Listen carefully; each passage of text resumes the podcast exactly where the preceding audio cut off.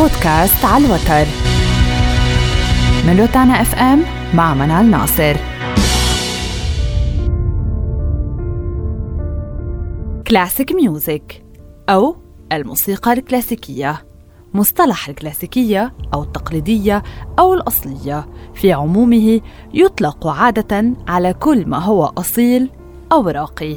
وبهذا المعنى لا يختص بنوع محدد من الموسيقى فقط. يطلق أيضا على الموسيقى العربية الكلاسيكية. لكن مسمى الموسيقى الكلاسيكية شاع استخدامه على نوع محدد من أنواع الموسيقى الأجنبية واتسم بسمات محدودة عرف بها وهو ما نعنيه في هذا النوع من أنواع الموسيقى العالمية. لم يظهر مصطلح الموسيقى الكلاسيكية حتى أوائل القرن التاسع عشر في محاولة لتمجيد الفترة التي ظهر فيها بيتهوفن والتي سميت بالعصر الذهبي. ففي عام 1836 أصبحت الموسيقى الكلاسيكية ضمن قاموس أكسفورد الإنجليزي.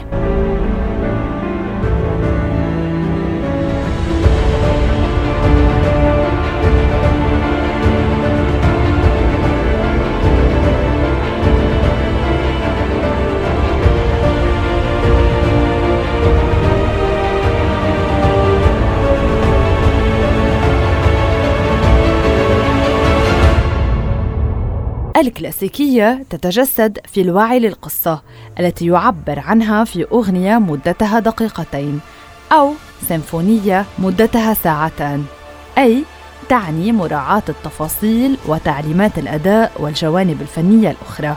كذلك الصبر والاستعداد التام لخلق عمل منظم وهي عملية التأمل والإبداع بجميع الأفكار. للوصول إلى التوازن وهي الإلهام للوصول إلى الدراما الغنائية. فالكلاسيكية تعني القوة والإلهام وتستخدم لوصف النمط الموسيقي. كما تعبر هذه الموسيقى عن الفترة الزمنية التي تصف موسيقى هايدن، بيتهوفن وموزارت. فيعتقد الكثيرون أن الموسيقى الكلاسيكية مملة وقاسية كونها بدأت على شكل تمرد. فيما يقول البعض أن الموسيقى الكلاسيكية هي التي تتبع قواعد معينة في حين يرى آخرون أنها مجرد نوتة يقوم الموسيقيون بتنفيذها وفق ما يوجد على الورق.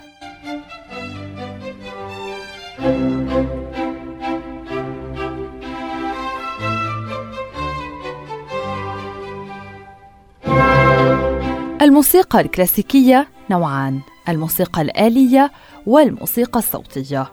والموسيقى الآلية عبارة عن ثلاثة أنواع. موسيقى اللحن المنفرد الذي يؤديه عازف واحد على آلة واحدة فقط ولا يهم نوع الآلة ولها تكوينات شائعة ومتشعبة منها السوناتا. وموسيقى الحجرة تكتب لعدد قليل من العازفين يتراوح من اثنان إلى خمس عازفين يؤدون على مجموعة من الآلات الموسيقية. ثلاثة موسيقى الأوركسترا. تؤدى أمام جمهور كبير من الحضور والمتفرجين وتضم نخبة من العازفين يتراوح عددهم خمسون إلى مئة عازف يعزفون على عدة آلات موسيقية بين آلات النفخ والوترية والنحاسية والنقر.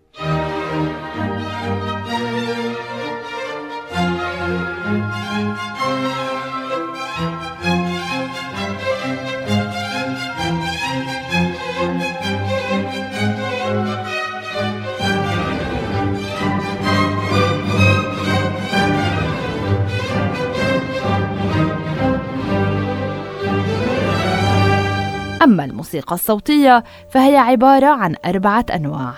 الأغاني التي يطلق عليها لقب الأغاني الفنية وتستخدم فيها قصائد يغلب عليها الطابع الأدبي واللغة الفصيحة ويرافق المغني عنصر موسيقي إضافي يسمى عازف بيان وخاصة إذا كان الشعر رومانسيا أو يغني قصص الحب.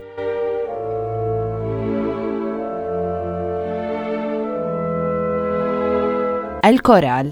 أغان تكتب تؤديها مجموعة أصوات بشرية تبدو كأنها صوت واحد ومنها أصوات السوبرانو والآلتو والجهير والصادح. وقد ترافق المغني فرقة أوركسترالية مع مايسترو أو عازف. يعزف على آلة واحدة فقط ويكتب هذا النوع من الموسيقى الصوتية عادة للطقوس الدينية والصلوات والترانيم.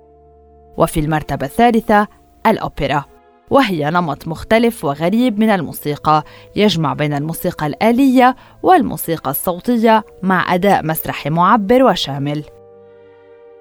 وأخيراً الموشحات التي تشبه إلى حد كبير الأوبرا إذ تستخدم الأوركسترا والكورال والغناء المنفرد في مكان واحد وغالباً ما تغنى الموشحات من أجل قصة أو تراتيل دينية.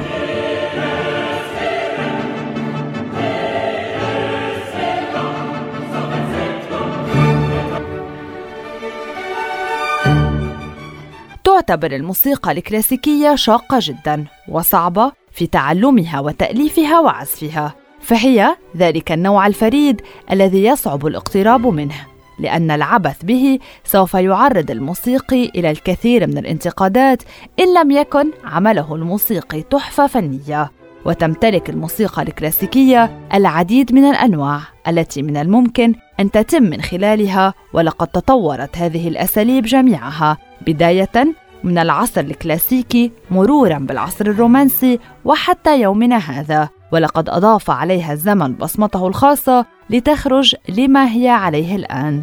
لكن على الرغم من ذلك لم تخرج عن خطى فناني الموسيقى الكلاسيكية الأوائل. وسنستعرض في هذا البودكاست أنواع الموسيقى الكلاسيكية والتي من الممكن أن تقابلنا في الحفلات الموسيقية مع تناول خصائص كل نوع. أولاً السيمفونية. هي عبارة عن عمل فني واسع النطاق يتضمن أوركسترا كاملة وتتكون هذه الأوركسترا من أربع أقسام. كل قسم يمتلك حركته الخاصة والتي تأتي بالتناوب ببطء. ولقد كان بيتهوفن في سيمفونيته التاسعة هو أول من كسر هذه التقاليد وأضاف بعض العازفين المنفردين ولهم جوقة كاملة في الحركة النهائية.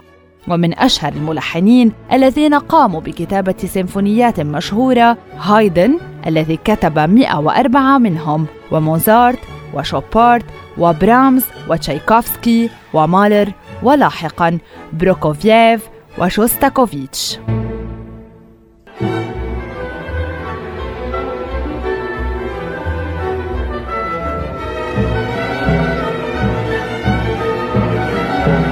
الكونشيرتو.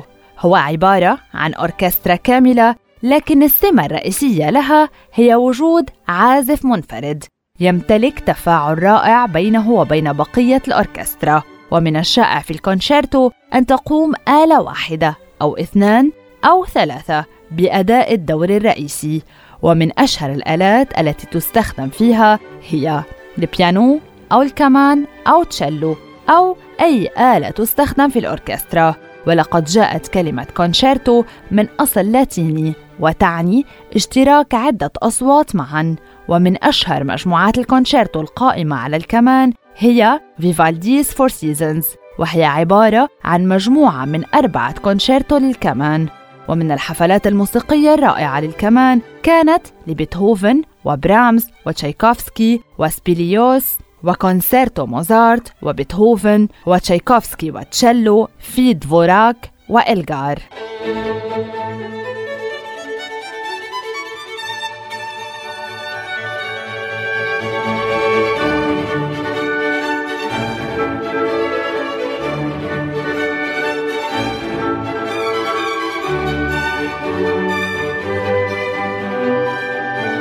المتتالية هي عبارة عن مجموعة من المقطوعات الموسيقية القصيرة التي عادة ما تكون راقصة، وقد تكون المتتالية هي اقتباس من أوبرا أو من عرض باليه أو من عرض موسيقى استعراضية مخصصة لمسرحية ما، أو قد تكون المتتالية أصلية ويسبق العرض الراقص افتتاحية ومن أشهر المتتاليات الكلاسيكية تشايكوفسكي Nutcracker و Respighi's Ancient Airs and Dances.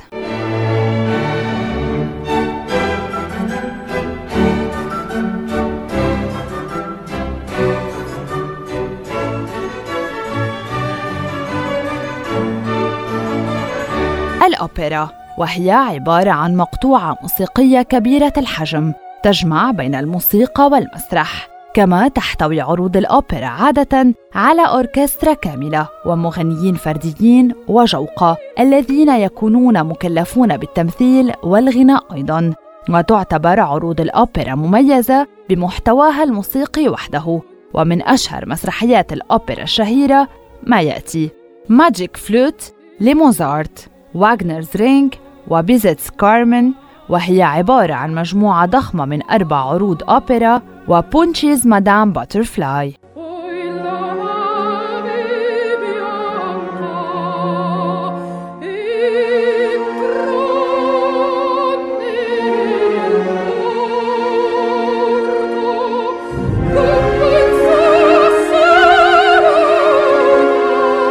غرفة الموسيقى أو شامبر ميوزك يمكن تعريف غرفة الموسيقى على أنها نوع من الموسيقى الكلاسيكية التي تكون مخصصة لمجموعة صغيرة من المستمعين وبالتحديد مجموعة صغيرة من المؤدين أيضاً ومن الممكن أن تشمل أي نوع من الآلات التي تشكل مزيجاً قوياً وتركز غرفة الموسيقى على مدة قوة التفاعل بين الأدوات.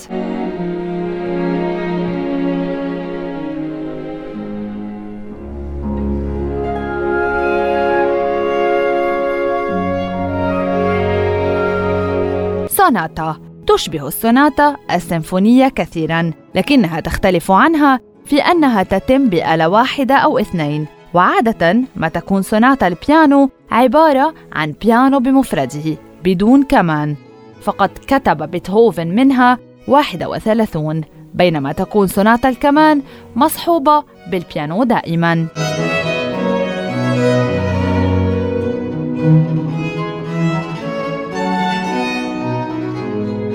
الموسيقى الثنائية الثلاثية الرباعية الخماسية السداسية الثمانية.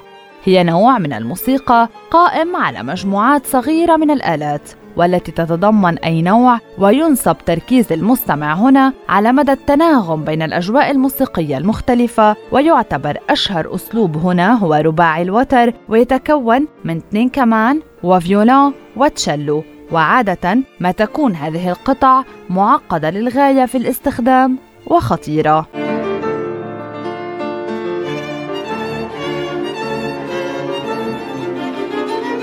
أما عن الآلات الموسيقية التي مرت على الموسيقى الكلاسيكية أو الأدوات المستخدمة حالياً من الموسيقى الكلاسيكية اخترعت قبل منتصف القرن التاسع عشر وهي تتألف من الآلات الموجودة في الأوركسترا والفرق الموسيقية أو التي يتم العزف عليها منفرداً مثل بيانو أو القيثارة أكثر الأدوات التي استخدمت بداية من الموسيقى الكلاسيكية هي آلات النفخ وآلات النحاس. أما في العصور الوسطى فقد كانت الأدوات المستخدمة الناي الخشبي والعود كذلك الكمان والترومبون. وكانت الأدوات في تلك الفترة تقسم إلى آلات تسمى هوت صوتها عاليا وحادا وأخرى سفلى كانت أكثر حميمية وهدوءا.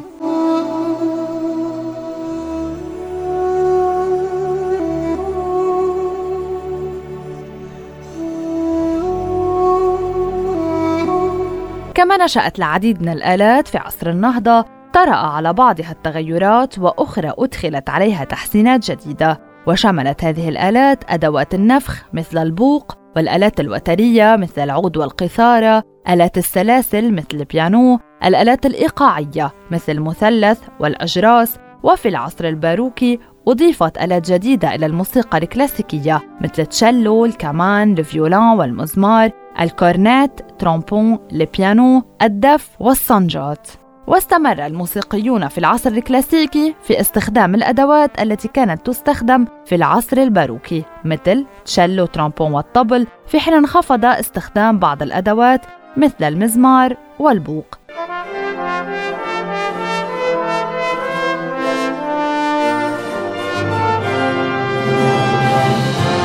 في حين أصبحت الموسيقى الحديثة موقفا فلسفيا وجماليا كامنا للتغيير والتطوير الذي طال اللغة الموسيقية في تلك الفترة. فقد كانت فترة من ردود الفعل المتنوعة في التحدي وإعادة تحليل وتفسير الموسيقى مع ابتكار طرق جديدة لتنظيم الألحان والإيقاعات الموسيقية.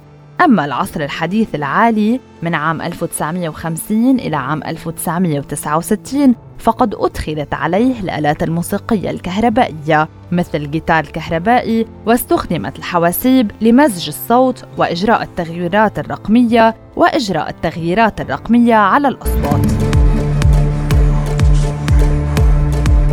وفي النهاية أفضل طريقة لكي تفهم الموسيقى الكلاسيكية أن تذهب لإحدى الحفلات الموسيقية للاستماع إليها أو القيام بذلك عن طريق الأقراص المدمجة أو أن تقوم بشراء آلة موسيقية وتتعلم كيف تستمتع بعزف الموسيقى الكلاسيكية. بودكاست على الوتر من روتانا إف إم مع منال ناصر